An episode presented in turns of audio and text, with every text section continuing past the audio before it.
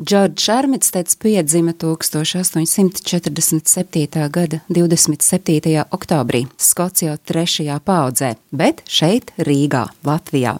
Par Džordžu mēdza teikt pēc izcelsmes spītīgs skots, pēc dzīvesveida praktisks vācietis, pieķēries dzimtajai zemē kā latvietis, turklāt apveltīts ar tīri krievisku avantūrista dzirksti. Visas šīs īpašības padarīja Rīgas mēru Armitstedu par sekmīgāko pilsētas galvu Krievijas impērijā. Bet līdz pilsētas galvai viņam bija jāizaug. Džordžs studēja un absolvēja Rīgas politehnikumu, pēc tam apguva dzelzceļu lietas Oksfordā un Cīrihē. Ceļu inženiera profesija tolaik bija ļoti prestiža. Mēdz teikt, ka pieprasījuma ziņā to var salīdzināt ar programmētāju mūsdienās. Armitsteds projektēja dzelzceļus Krievijā, uzbūvēja līniju Smoļenska Brjanska, Bet, atgriežoties Rīgā, viens no pirmajiem sāka nodarboties ar industriālo ķieģeļu rūpniecību. Džordžs apprecējās, ģimenē piedzima dēls un divas meitas - Lūcija, Džons Sesils un Edīte.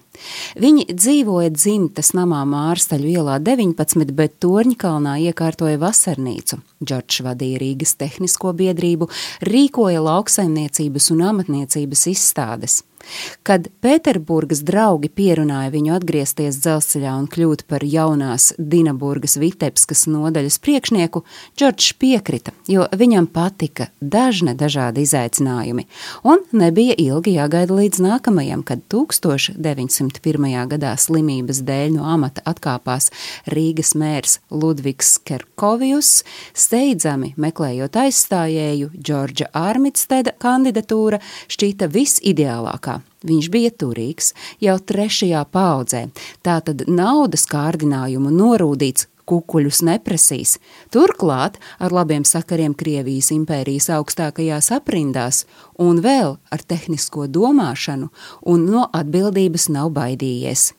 Par lielu plusu tolaik uzskatīja arī to, ka nekad nav bijis saistīts ar politiku. Viņu ievēlēja 67 balsīm par un pret bija tikai 3. Uzreiz pēc ievēlēšanas Džordžs Armitsteds esot teicis: Kungi, pateicos par atbalstu, darīšu visu, ko spēju, un pierādīšu, ka esmu jūsu uzticības cienīgs. Sacīts, darīts. Tieši viņš impērijas labumu deķi spēja vilkt uz Rīgas pusi. Interesanti, ka Armitsteds ir runājis piecās valodās, bet nav drošu ziņu, ka pratis latviski. Tomēr tieši viņa laikā pilsētas domē ienāca daudz latviešu. Viņš saredzēja un novērtēja latviešu uzņēmēja gēnu.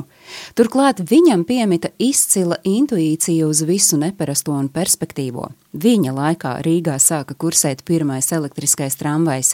Viņa laikā pieņēma jaunus būvniecības noteikumus, kā rezultātā no 1903. līdz 1907. gadam uzbūvēja 680 jaunu namu, lielāko daļu atbilstoši tā laika būvniecības noteikumiem.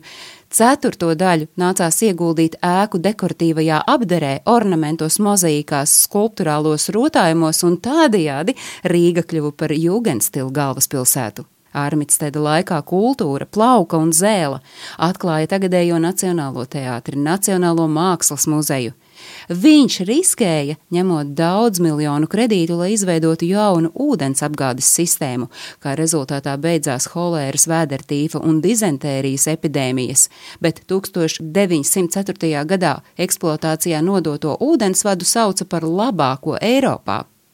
Zīmīgi, bet kad imperators Nikolais II piedāvāja Armitstedam kļūt par Sanktpēterburgas galvu, viņš atteicās. Vai atteikuma iemesls bija mīlestība pret dzimto pilsētu? Iespējams, bet visticamāk viņš labprātāk vadīja no impērijas galvaspilsētas intrigām tālāk stāvošo Rīgu, kas tolaik jau bija gana eiropeiska. Džordžs Armitsteds strādāja galvaspilsētas mēra amatā līdz pat nāvei, pēc smagas slimības 1912. gadā, un par viņu visa pilsēta sērojusi patiesi un no visas sirds stāstīja Agnese Drunka.